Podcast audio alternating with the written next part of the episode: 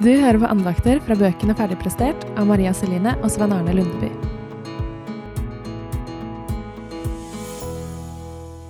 Syndefallet. Hva skjedde? Kristne snakker alltid så mye om synd. Jeg er så lei av å høre om det, det er så deprimerende. Kan vi ikke heller snakke om at Gud er kjærlig og nådig? Dette sa ei jente til meg en gang for noen år siden, og jeg skjønner godt hva hun mener.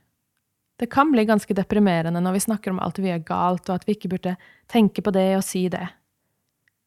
Samtidig så kan vi ikke la være å snakke om synd, for det er så viktig i troa vår. Sven Arne pleier å si det sånn hvis du spør han om synd. Å spørre om hvorfor kristne snakker så mye om synd, er som å spørre hvorfor legen er så opptatt av å stille diagnoser. En lege kan ikke hjelpe deg før han veit hva som er galt. På samme måte kan vi ikke snakke om nåde og tilgivelse før vi kjenner diagnosen og vet at vi trenger akkurat de tinga. Vi må vite hva som er galt med oss for å finne redning.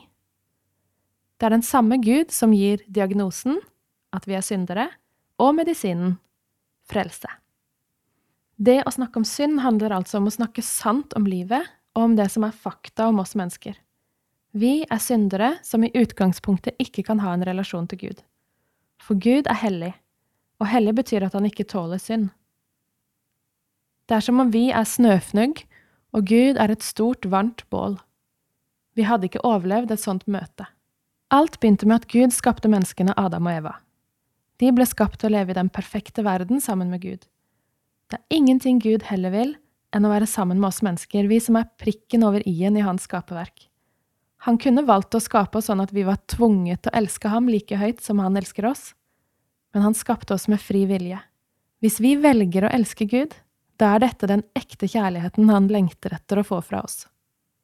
Da Eva valgte å spise frukten fra kunnskapens tre, gikk hun imot Guds vilje. Hun valgte bort å lytte til hans bud om å ikke spise den, og lot seg friste av djevelen som sa, Har Gud virkelig sagt dette? Kom igjen, da, bare spis. Da dette skjedde, kom synda inn i verden. Fordi den hellige Gud ikke tåler synd, måtte Adam og Eva ut av Edens hage og det nære forholdet de hadde hatt til Gud, var brutt. Det var ikke Gud som hadde forandra seg, men menneskene hadde ødelagt for seg sjøl og gjort det umulig å leve sammen med Gud. Det var som om det blei en enorm kløft mellom Gud og menneskene. Konsekvensen av syndefallet for deg og meg er at vi er født som syndere. Vi klarer verken å leve etter Guds vilje eller å komme til ham på egen hånd. Og det å leve etter Guds vilje og i fellesskap med Han, det er det beste vi kan få. Derfor trenger vi at noen ordner opp for oss. Og det kan du høre mer om i episoden Ferdig prestert, rettferdiggjort. I dag lever vi fortsatt utenfor Edens hage, på en jordklode full av mennesker som er født som syndere. Djevelen er fortsatt en del av vår verden og kan friste oss, og fordi vi er født som syndere, så vil det alltid være noe inni oss som ønsker å snu ryggen til Gud. Syndefallet preger deg og meg hver eneste dag, men vi kan løfte blikket og se på Jesus, han som er sterkere enn djevelen, og som har vunnet over ham. Vi er på lag med den sterkeste av alle. Om vi skulle gjøre dumme valg og velge bort det som er Guds gode vilje for oss, så vil Jesus alltid stå med åpne armer og si, Kom tilbake, kjære deg. Gud har elska deg med sin evige kjærlighet, og det er et hav av nåde til deg også i dag.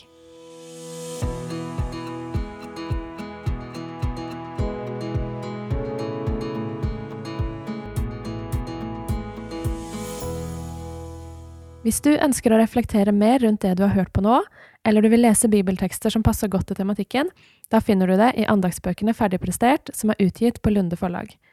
Vi har gitt ut én for jenter og én for gutter, der 20 av tekstene er felles i begge bøkene.